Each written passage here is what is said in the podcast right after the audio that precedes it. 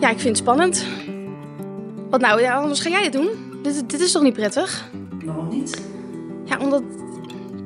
Dit is toch iets geheims. Dit doe je toch niet? Doe je toch niet? Rosa. Drie jaar lang had ze een verhouding met een getrouwde man. In diezelfde periode had ze een relatie met haar vriend. Haar vriend wist niks van de getrouwde man en de getrouwde man wist niks van haar vriend. Als ze tegenover me zit, is ze ongemakkelijk, een beetje afstandelijk. Ze wil er wel over vertellen, maar eigenlijk ook niet. Ik vraag haar of een van de twee er ooit achter gekomen is. Nee, nooit. En daarom wil ik ook niet dat je mijn echte naam gebruikt. En wordt dit ingesproken door een stemacteur. Waarom moet het zo anoniem? Ja, gewoon om, omdat het van mij iemand maakt die. Nou ja, kijk, om het te laten werken moet je veel vrije tijd hebben. En je moet ook stalen zenuwen hebben. En goed kunnen liegen. Rosa ging met haar relatie altijd naar plekken waar haar verhouding niet kwam. En andersom. Als ze gevideobeld werd, zocht ze een witte muur om de ruimte zo anoniem mogelijk te houden. En ze nam nooit de telefoon op als ze bij haar verhouding was. Bij haar vriend, die ook bij haar familie en vrienden bekend was, nam ze de telefoon wel op. Behalve als het haar verhouding was. Die overigens in haar telefoon stond als Ramona van Werk. Als je goed wil liegen, of als je goed twee dingen van elkaar gescheiden wil houden, dan moet je gewoon in je hoofd een verhaal hebben. Maar dan moet je niet gaan zeggen: Oh, ik was uh, afgelopen weekend in Spanje. Maar dan zeg je: Oh, uh, ja, ik was laatst. Ik was laatst in daar en daar. En dan gaat iemand denken: Oh, daar was je toen die ene keer die pieptoon anders was. Ja, ja sorry, hier, ja, je wordt er uh, vrij geslepen in. En je moet het nooit aan iemand vertellen. Zelfs niet aan één iemand. Want één iemand vertelt het altijd aan één iemand anders. Het dubbelleven lag haar goed. De twee relaties waren complementair aan elkaar. Het was gewoon perfect. Ze leken ook niet op elkaar. Fysiek niet, uh, qua innerlijk niet, qua doen en laten niet, qua werk niet, qua... Ze waren allebei zo intens anders. Ik denk dat zij, het enige wat zij gemeenschappelijk hadden, is dat ze een piemel hadden. Heeft ze zich ooit schuldig gevoeld? Nou, het is eigenlijk heel normaal. Ja, je hebt niet het gevoel dat je iets fout doet of zo. Je, je voelt je wel goed. Het voelt gewoon alsof je twee relaties hebt. Het voelt niet alsof je vreemd gaat. Maar er zat iets in mij dat wist dat het niet goed was. Want als mijn verhouding bij mij thuis kwam, was ik altijd als de dood dat dan iemand binnenkwam of kwam aanwaaien of zo. En dan, of als hij dan kwam, mijn verhouding, dan vond ik het gewoon soms te spannend. En dan kreeg ik altijd een, altijd een diarreeaanval. Dus er zat wel iets in mij dat ik gewoon wist dat het niet goed was. Dit is Overspel. Een podcast gemaakt door mij, Carolien Borgers, in samenwerking met Linda.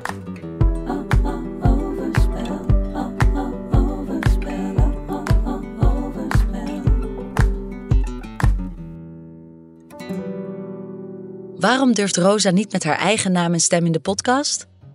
Omdat ze zich schaamt. Nog steeds. Meer dan tien jaar nadat het overspel plaatsvond. Ze schaamt zich voor het feit dat ze twee relaties had en dat ze dat fijn vond. En dat ze zich er niet schuldig over voelt. En dat ze zich er wel schuldig over zou moeten voelen. Overspel, een slippertje maken, een scheve schaatsrijden, ontrouw, echtbreken, infideel, trouweloos, zondige. Het zijn allemaal woorden voor hetzelfde. Specialist seksuele ontwikkeling Anna Mara Jansen hierover. Termen als uh, vreemdgaan of bedriegen of verraad. Dat is natuurlijk allemaal heel zwaar en heel negatief. Terwijl het een hele menselijke behoefte is om als je na een tijdje verliefd geweest te zijn, dat je ook weer interesse hebt in anderen. Maar hoe menselijk de behoefte ook is, het collectieve oordeel over vreemdgaan is keihard. Je hoeft maar een roddelblad of juice-kanaal open te slaan en de morele verwerpingen vliegen je om de oren. Denk alleen al aan toen Steven Brunswijk gespot werd terwijl hij met een andere vrouw dan zijn vriendin aan het zoenen was. Hij kreeg eindeloze haat over zich heen. En toen later bleek dat hij daarover afspraken had met zijn vriendin, veranderde de toon enigszins. Maar aan de manier waarop hij aan de schandpaal werd genageld, merk je hoe sterk het oordeel over vreemdgaan is. Waarom is dat? Is het monogame ideaal dan zo sterk? Ja, zegt Anna. Vreemdgaan hoort niet. Monogaam is the way to go omdat dat nou eenmaal de heersende norm is, maar dus niet de werkelijkheid. Want het komt superveel voor. Komt vreemdgaan superveel voor? En wat is superveel? Ik vroeg het hoogleraar evolutionair sociale psychologie Bram Bunk. Als je kijkt op dit moment in Nederland hebben tussen de 100.000 en 500.000 mensen een buitenechtelijke relatie. Dat zijn ongeveer de schattingen. En dat is dus alleen op dit moment. In het meest recente onderzoek van Durex kwam naar voren dat 31% van de mensen in zijn, haar of dienstleven vreemd gaat. En de kans dat je in een monogame relatie te maken krijgt met overspel ligt tussen de 40 en 70 procent. Maar hoe valt dat te rijmen met het idee van de romantische liefde?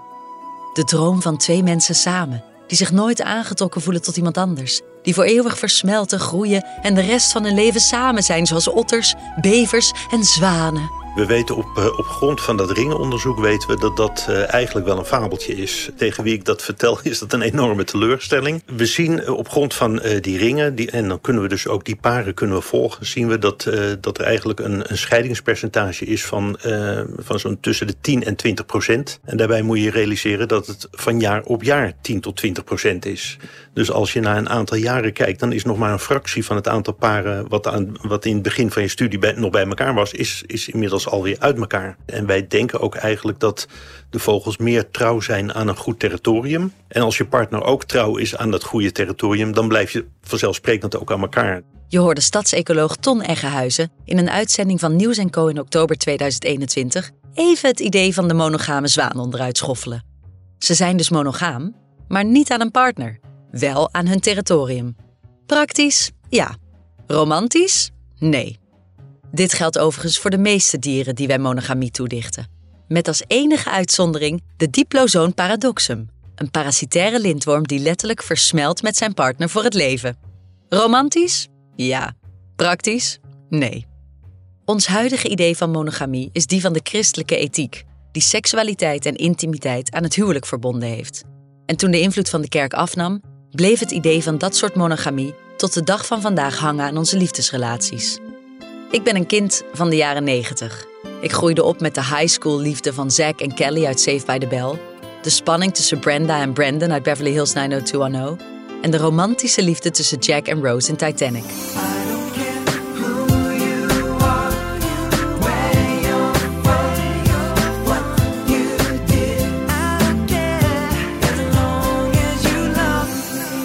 Het waren post-tweede feministische golfjaren waarin de meeste verworvenheden van vrouwen als vanzelfsprekend werden gezien.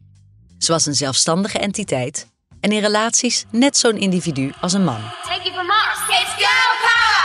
Maar als ik kijk naar de uitwerking van die girl power op mij in de jaren 90, resulteerde dat toch vooral in een onafgebroken zoektocht naar Zack, Brandon of Jack. Ik droeg girl power hotpants omdat die me de liefde van mijn leven zouden kunnen opleveren. Want de liefde van mijn leven die bestond. En die zou me compleet maken. Of zoals Jerry Maguire in de gelijknamige film uit 1996 zegt: I love you. You complete me. You complete me. Volgens een oude mythe uit Plato's Symposium hadden wij mensen ooit vier benen, vier armen en een hoofd met twee gezichten. De goden vonden dat bedreigend en toen spleet Zeus ons in tweeën. Dubbel zoveel mensen zouden goden aanbidden.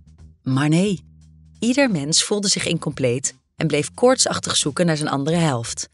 Liefde is de zoektocht naar je wederhelft, die je ooit verloren hebt en nu terugwenst. In mijn eerste relatie, die zeven jaar duurde, was ik zo verliefd dat ik van de weeromstuit heilig geloofde in monogamie.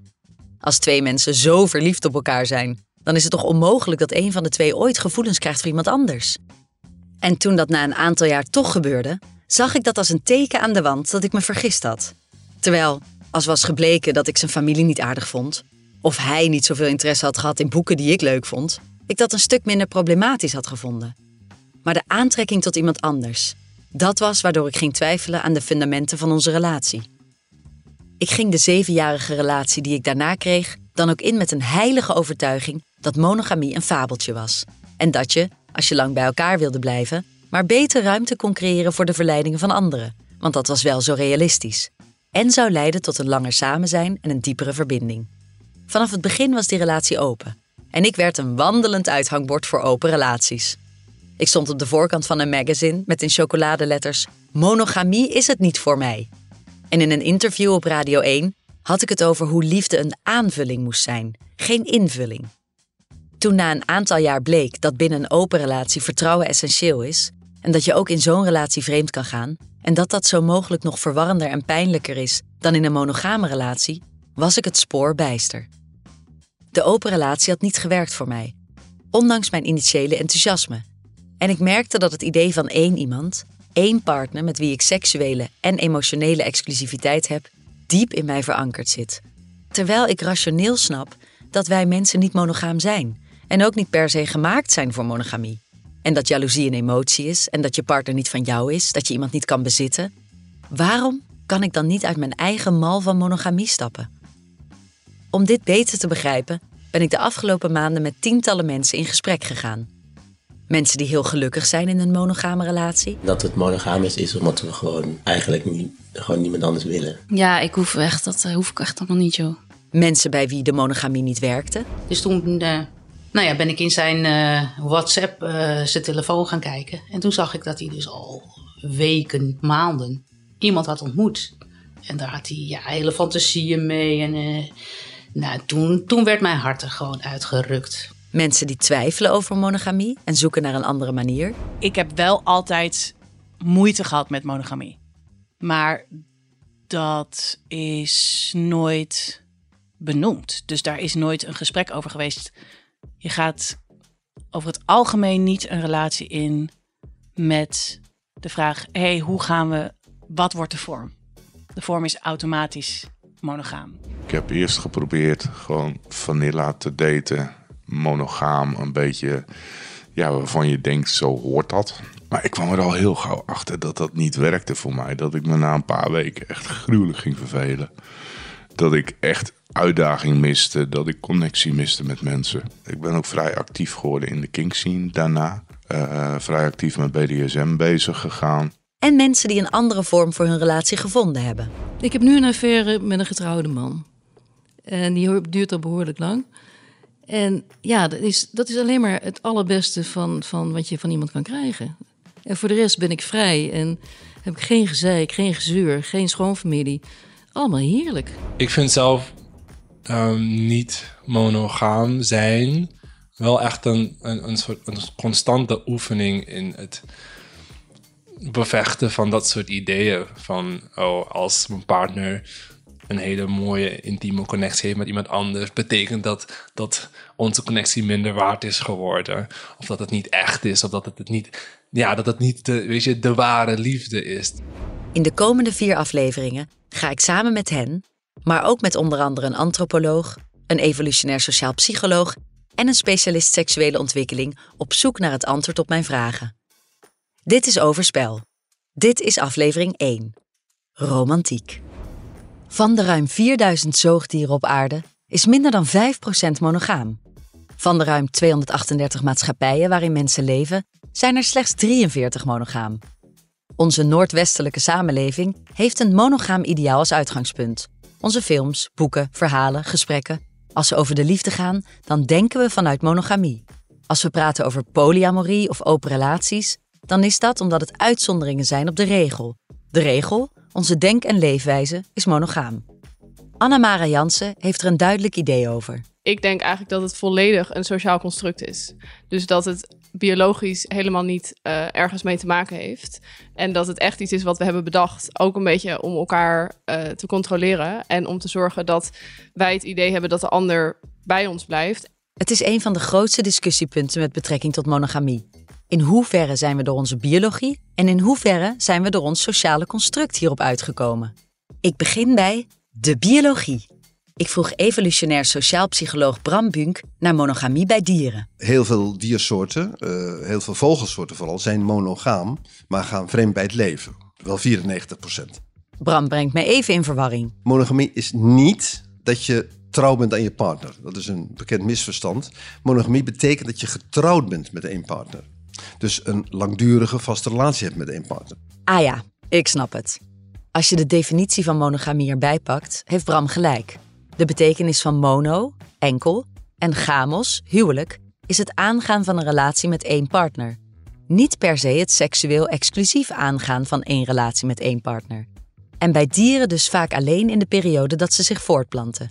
Dat heet paarbinding. Nou, dat zie je bij vogels ook. Er zijn uh, vogels die nadat ze gepaard hebben met een, mannetjes die gepaard hebben met een vrouwtje, dan blijven ze dus een hele tijd blijven ze in de buurt van dat vrouwtje. Dan blijven ze gewoon haar bewaken. Dat is toch vooral niet met een ander. Hè, terwijl ze veel bij dat zal doen. Na het paren zorgen dat niemand anders erbij kan. Als voortplanting het doel is, dan is het veiligstellen van het nageslacht essentieel. Ik vroeg Bram naar wat we op basis van biologische vergelijkingen kunnen concluderen over monogamie. Bij chimpansees zijn de testes gigantisch groot. Als menselijke mannen die zouden hebben, dan zouden ze testes zo hebben als tennisballen. Bij de orang-oetang zijn die heel klein. Bij de gorilla, Bokito, zou ik maar zeggen, heeft hele kleine testes. Testes zijn ballen. En bij de mens zit er een beetje tussenin. Chimpansees hebben een hoge spermakwaliteit, omdat dat het enige is wat ervoor kan zorgen dat ze het van de anderen winnen qua bevruchting. Want iedereen doet het met iedereen. De gorilla daarentegen heeft dat niet nodig, maar moet wel de andere mannetjes van zijn vrouwen afslaan. Bij die chimpansees, die moeten het hebben in de concurrentie met anderen van eh, hele hoge kwaliteit van sperma, heel bewegelijk sperma. Dat ze dus bij wijze van spreken als een ander mannetje al met hun, het vrouwtje bij mij zei, gepaard hebben, paard, dat hun sperma het wint. En bij de mens, de mens zit, de gorilla, eh, die heeft een harem, dat kost enorm veel energie. Maar Bokito, die had, eh, ik geloof, tien, tien vrouwtjes onder zich. En, enfin, die moet al zijn energie steken in het bewaken van die vrouwtjes dat er geen ander bij komt. Daarom zijn die gorilla's ook relatief zo ongelooflijk groot en sterk. Zoveel, veel, veel groter en sterker dan eh, de vrouwtjes. Die moet andere mannetjes van zich afslaan. En jonge mannen vooral die in die groep ook proberen te paren van zich afslaan. Dus die moet het van zijn kracht hebben. En de mens zit dus tussen eigenlijk de gorilla en de chimpansee in. Dus dat wil zeggen, wij hebben wel monogamie. Maar ik noem het dan monogamie geplaagd door overspel. Nog een leuk detail. De dikte van de penis zegt ook veel over of er concurrentiestrijd geleverd moest worden of niet. Hoe dikker de penis, hoe meer vacuüm hij kan zuigen en aanwezig sperma uit de eileider kan trekken. En de mens heeft de grootste penis van alle primaten. Romantisch? Nee. Praktisch? Ja. Volgens Bram kan je hieruit opmaken dat de mens biologisch dus niet zo monogaam is.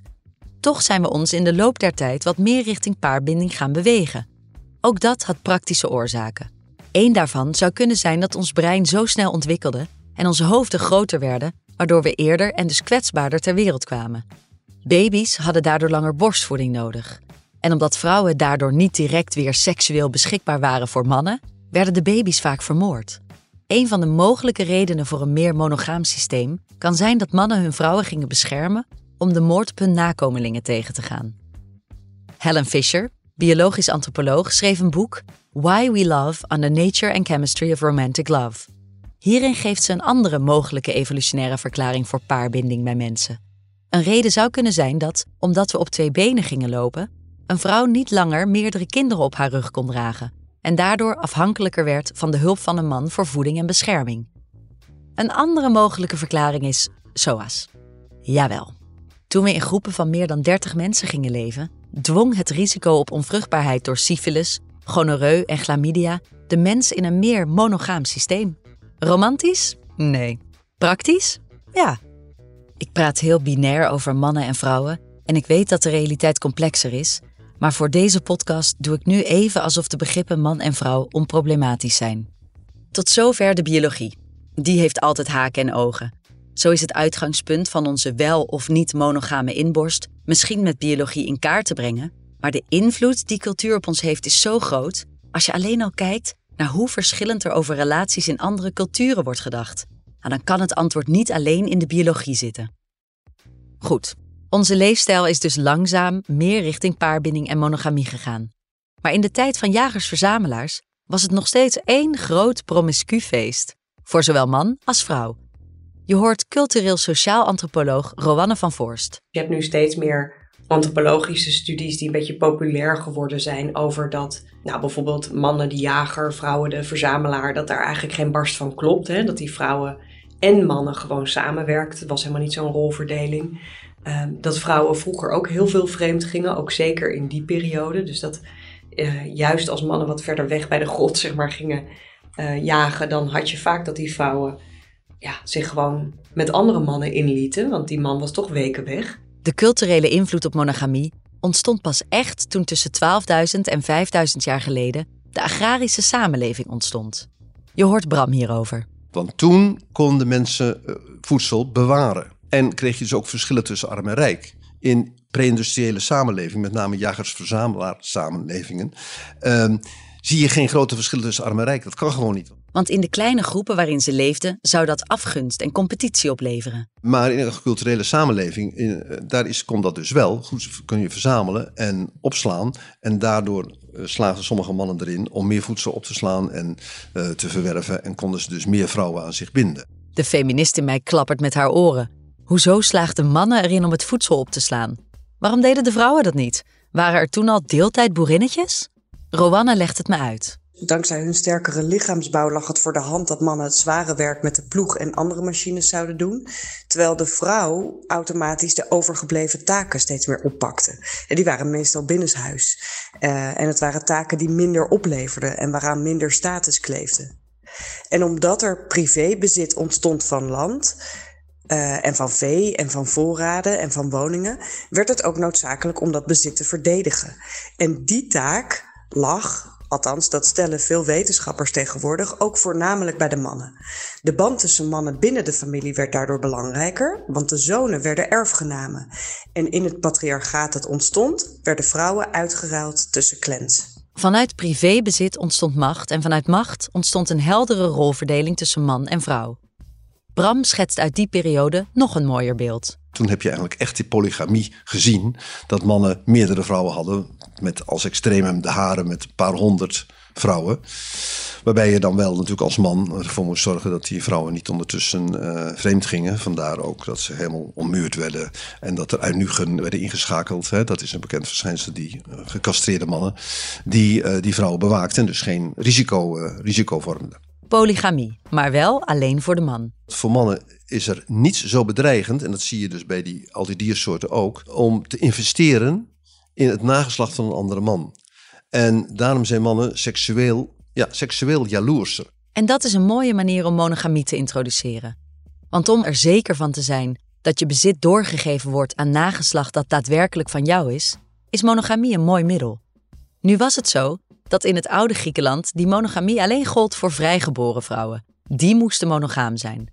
Mannen hadden slavinnen voor seksueel contact en een zuivere bloedlijn was de voornaamste reden.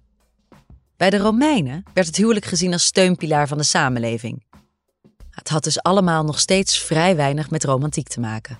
Je hoort Bram. Dat had er ook mee te maken dat uh, in de, met name de hogere klasse, maar dat is niet alleen typerend voor de hogere klasse, uh, de huwelijken gewoon zakelijke verbindenissen waren. Kinderen werden soms al aan elkaar uitgehuwelijk als ze nog kinderen waren. Gewoon om macht te creëren tussen twee vorstendommen. Hè, die voegde je dan samen. En uh, dat waren dus gewoon uh, verbindenissen op basis van ja, puur zakelijke dynastieke overwegingen. En om mensen daar aan te laten blijven vasthouden, kwam er iemand langs die een handje kon helpen. En dat was God. In 379 bekeerde de eerste Romeinse keizer zich op zijn sterfbed tot het christendom en het verspreidde zich als een olievlek.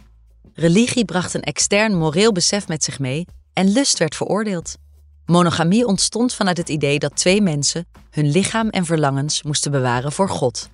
Je hoort Rowanne hierover. Religie, die überhaupt al een beetje heeft klaargestoomd. Hè? Dus de religie heeft eigenlijk gezegd in Nederland van alles wat, zeker het protestantisme, die katholieken die waren nog wel iets gezelliger, maar het, de protestanten die hadden wel echt zoiets van alles wat neigt naar genieten, dat leidt jouw aandacht af van God. Dat maakt iets anders belangrijker dan God. Dus dat moet eruit. Dus dan wordt seks alleen binnen het huwelijk getolereerd. Het huwelijk. Het bindende kader waarin de heldere afspraken over nageslacht, erfrecht en overspel stonden. Monogamie in een regel of afspraak gegoten. Dat is het huwelijk. Historicus en schrijver Lotte Houwing ten Kate over de verstrekkende gevolgen daarvan. Waarin de vrouw ook dus ja, tot halverwege de 20e eeuw eigenlijk geen eigen rechtspersoon was. Dus dat verloor ze op het, op het moment dat ze trouwde. Um, dus dan gaat het over het niet kunnen, kunnen openen van een eigen bankrekening bijvoorbeeld. Dus zij werd daarin eigenlijk ja, het bezit van de man.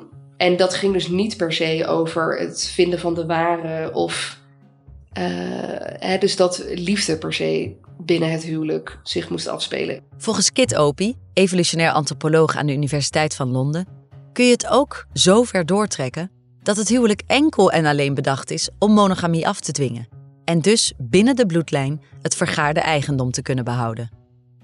Historicus en schrijver Lotte Houwing ten Kate over monogamie binnen het huwelijk. Het huwelijk heeft nooit voor mannen monogaam hoeven zijn, overigens. Hè. Dat, dat, want het was natuurlijk altijd meer een, ja, een soort, eigenlijk vooral structuur waarmee de samenleving uh, kon worden georganiseerd. Werd er dan nooit uit liefde getrouwd? Ik vroeg het Bram. Ja, nou, dat gebeurde eerder ook al wel, denk ik. Uh, als de ouders daar geen bezwaar tegen hadden. En je moet niet vergeten dat in de uh, armere sociale milieus dat allemaal wat minder sterk gold natuurlijk. Hè? Uh, dan was men al blij als er een gezonde, gezonde schoonzoon of schoondochter kwam opdagen. Die ook wel hielp in de, op de boerderij of bij de jacht of wat dan ook. Uitzonderingen dus. Maar in de regel had de romantiek zich nog niet van ons meester gemaakt. Wanneer kwam die romantische liefde en daarbij horende monogamie in onze Noordwesterse samenleving dan om de hoek kijken? Tijdens de romantiek natuurlijk. Aan het einde van de 18e eeuw, begin 19e eeuw, wordt de focus verlegd van de ratio naar de subjectieve ervaring als uitgangspunt. Introspectie, intuïtie, emotie, spontaniteit en verbeelding kwamen op de voorgrond. Je zou kunnen zeggen, de individuele beleving werd heel belangrijk. En die romantiek zorgde ervoor dat we, om in de woorden van filosoof Alain de Botton te spreken, de liefde volledig loskoppelden van praktische dingen.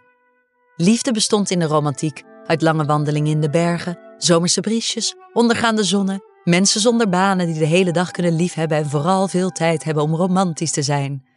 Ah, eindelijk! Niet meer praktisch, maar romantisch. De romantiek was voornamelijk te vinden in Frankrijk, merci bien. Niet voor niets heet tongzoenen in het Engels French kissing.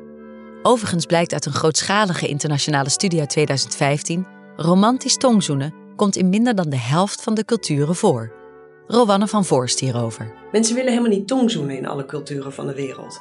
Vinden dat best wel ook vies als je ze erover vertelt. Hebben ze echt zoiets van: wat? Dus je gaat dan met je tong op een andere tong? kan je er iets bij voorstellen? Alain de Botton benadrukt ook dat in de romantiek de one special person iedereen vervangt. Een stel zijn is het belangrijkste wat er is. Je hebt als het ware de rest niet meer nodig en doet werkelijk alles met je man of vrouw. Seks is alleen bestemd voor je soulmate en je hebt pas seks met iemand om de liefde voor diegene te bezegelen. Geen one-night stands, scharrels of gedate voor een romanticus. Nou, daar is hij dan. The one special person. The soulmate. You complete me. Wat die romantiek heel erg doet, die zegt dat er één ware is. En wat één ware doet, is stabiliteit creëren. Want als ik met jou getrouwd ben en ik heb ook echt de idee of de overtuiging dat het slecht zou zijn om er nog zeven even mooie liefdes op na te houden, dan ga ik dus met jou heel hard werken om dat goed te doen. Of ik, of ik schaf die andere gevoelens een beetje af, of die probeer ik te onderdrukken. En dan zijn wij samen een stabiele unit waarbij we en zelf productief zijn en nieuwe productieve burgers kweken. Right? Dat is een beetje het idee. Dus die romantiek die zorgt dat jij gewoon ervan overtuigd bent dat als het moeilijk is in je relatie, bijvoorbeeld, dat je er harder aan moet werken. Of dat als je iets voelt voor de buurman, dat dat slechts een vlucht is. Dat soort ideeën. En wat eraan heeft bijgedragen is, het, het voelt natuurlijk ook wel heel natuurlijk, omdat het zo kan voelen in je verliefdheidsfase. We zijn zo'n 150 jaar verder nog niet heel erg afgeweken van het romantische ideaal. Als we denken aan happily ever after of aan ware liefde, dan hebben we die Franse romantiek die zich vooral uitte in de literatuur, de beeldende kunst en de muziek nog steeds voor ogen. Jessica is geboren in 1962 en als ik tegenover haar zit, vertelt ze me over wat haar idee van liefde was. Ik was uh, denk ik een jaar of 14, 15 en toen kreeg ik het eerste boeketreeksboekje. Dat lag toen ergens bij, uh, ik weet niet meer, op een vakantie in een, in een bibliotheekje. Nou, en daar raakte ik meteen helemaal verslaafd aan. Dus ik dacht, dat is de liefde. Je komt iemand tegen, een man, uh, die is heel moeilijk te veroveren. En als hij dan jou veroverd he heeft, nou ja, dan ben je gewoon echt de bom. En hoe het dan verder gaat, daar heb ik dus nooit. Het was altijd de stap ernaartoe. Maar als je dan eenmaal een relatie had, hoe doe je dat dan verder? Jessica ontmoette een man in een dancing op het Leidseplein. Hij wilde met haar dansen. Dus ik dacht, oké, dat is dus zo'n man die weet wat hij wil. Want zo worden ze in de boekliedreeks ook altijd uh, om, omschreven. En nou ja, ik heb met hem gedanst en hij zei: Ik wil wel heel graag je nummer, want ik vind jou heel leuk en ik wil nog wel een keer contact met jou. Hij belt haar na afloop op de huistelefoon en komt een keer langs bij haar ouders. Ik had meteen zoiets van: Nou, deze jongen heeft mijn nummer gevraagd, die heeft met mij gedanst. Ik vind hem leuk, hij vindt mij leuk. Dus natuurlijk hebben wij een relatie. Als die relatie na een tijdje stuk loopt, weet ze even niet wat ze moet doen. Maar ja, dan sta je er alleen voor. En dan denk je, ja, dan moet ik die hele dans weer, dat hele boeketreeks weer. Maar wie wil mij nog? Want ik ben inmiddels zoveel jaar ouder. Ik heb een kind. Uh, hoe ga ik die, die, dat, dat nieuwe uh, verhaal nog een keer doen? En toen kwam ik op een feestje en toen uh, kwam de volgende naar me toe. En die had ook zoiets van, hé, hey, ik vind jou leuk, wil wel met je dansen. Ik wil wel een keertje met jou sushi eten. En ik dacht, ja, nou ja, weer dat spel. Wow, ik hoorde weer bij. Leuk. En toen ben ik gewoon weer in een relatie gestapt zonder eigenlijk over na te denken: vind ik hem leuk? Vind ik hem de moeite waard? Passen we bij elkaar? Nou ja, en die is uiteindelijk uh, ja, met een andere vrouw er vandoor gegaan. Hij had aangegeven dat hij er niet echt meer in geloofde en dat hij een halfjaartje op zichzelf wilde zijn. Dat kwam voor Jessica totaal uit het niks. Dus toen uh, nou ja, ben ik in zijn uh, WhatsApp zijn telefoon gaan kijken. En toen zag ik dat hij dus al weken, maanden iemand had ontmoet. En daar had hij ja, hele fantasieën mee. En nou, toen, toen werd mijn hart er gewoon uitgerukt. Want toen dacht ik over, oh, van jeetje, zie je, ik kan het gewoon niet. Ik denk, ik denk nu dat ik het wel kan. En dan gaat iemand er alsnog vandoor met een ander. Dus ik ging het weer heel erg op mezelf betrekken. De romantiek die Jessica voor ogen had, ging in rook op. Als je bedrogen wordt in een huwelijk waarvan jij niet wist dat het fout zat. Ja, dat is gewoon echt. Een, het wordt gewoon een stuk uit je hart getrokken. Echt niet te geloven. Dus ja, dan denk ik van mannen of vrouwen, weten wat je, wat je beschadigt voor dat ene keertje. Die aandacht. De romantiek. Het idee van de liefde uit de boekjes. En inmiddels ook uit de films. Dat merkte ik toen ik vroeg aan Maarten hoe het was toen hij Ruby voor het eerst zag. Hij was bijna 20, zij was bijna 17. ik kwam binnen en toen kwam er een meisje de trap aflopen. Echt als een Disney-film dus? Het was echt als een Disney-film. En toen zag ik haar en toen dacht ik, zo. Maarten en Ruby zijn 12 jaar samen en hebben twee kinderen. Ik ben nog steeds heel blij. Ja, ik ben ook nog steeds heel blij. Ze wisten meteen dat ze bij elkaar wilden zijn. Ruby had nog nooit een vriendje gehad, alleen een paar keer gezoend. Maarten had al wat meer ervaring, maar niet veel. Maar hij wist wel al van jongs af aan wat voor relatie hij wilde. Mijn ouders, die. Mijn vader is dus nu overleden, maar die waren gewoon heel lang getrouwd en samen. En die waren altijd samen. Dus die, dat voorbeeld heb ik ook gehad. Van dat ze echt met z'n tweeën. En ze deden alles met z'n tweeën. Eigenlijk deden we alles met z'n vieren. Met mijn broer erbij. Dus we waren echt een soort clan als familie. Voor Ruby was het juist het tegenovergestelde. Ja, mijn ouders die, uh, zijn 18 of 19 jaar samen geweest. En hebben een open relatie gehad. Um, eigenlijk, dat was vooral mijn vaders wens. Mijn moeder die ging daarin mee omdat ze gewoon graag met hem wilde zijn. En dat was eigenlijk min of meer een voorwaarde vanuit hem. Als ik het goed heb. Maar zij was er eigenlijk niet, niet gelukkig mee. Um, en zij had eigenlijk net als, als ik dus op mijn 16-jarige leeftijd... ze had iemand nodig die voor haar koos. En, en mijn vader kon dat eigenlijk niet. Uh, op een gegeven moment hebben ze mij gekregen en dat was... Ze hebben altijd gezegd dat ik uit liefde geboren ben en dat geloof ik ook. Dus ik denk echt wel dat ze heel erg van elkaar gehouden hebben, maar ze waren totaal geen match. En toen ik kwam, zag mijn moeder eigenlijk in dat, dat, dat dit gewoon niet de manier voor haar was. Dat is natuurlijk een enorm beknopte versie, maar ik heb dus wel vanuit mijn uh, vanuit mijn ouders eigenlijk gezien dat dat nooit gewerkt heeft.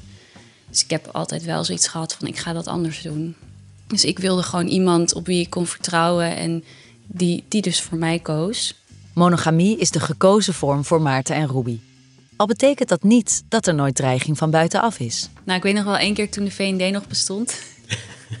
toen waren we de VND. Toen ik panties van mijn moeder ging. Ja, jouw moeder was jarig en jij ging panties ja, voor Sinterklaas. En toen gingen we die afrekenen. En ik denk dat die meid dacht dat wij, nou in ieder geval geen stel waren.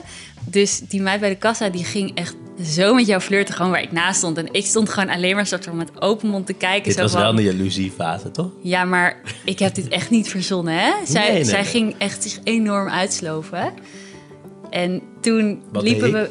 Ja, jij ging daar dus voor mijn gevoel best wel in mee. Ja, voor mijn gevoel niet. Ik was gewoon vriendelijk.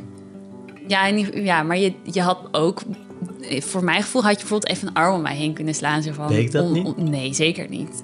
Om even duidelijk te maken zo van, nou, dit is mijn vriendin. En ook in een monogame relatie kan je je emotioneel of seksueel aangetrokken voelen tot iemand anders.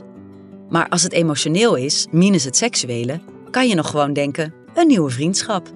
Maar is dat seksuele dan meteen een bedreiging voor je relatie? Hoe ga je daarmee om? Is dat te beteugelen?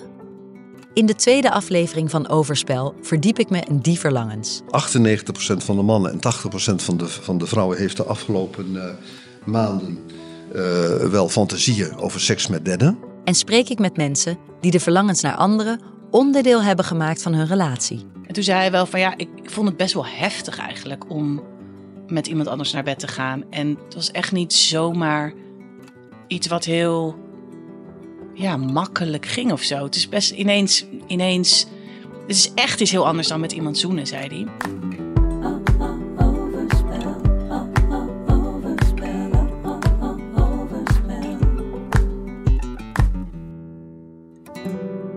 Aflevering 2 van Overspel, Verlangen, kan je nu al luisteren op dit kanaal of op je andere favoriete podcastkanalen.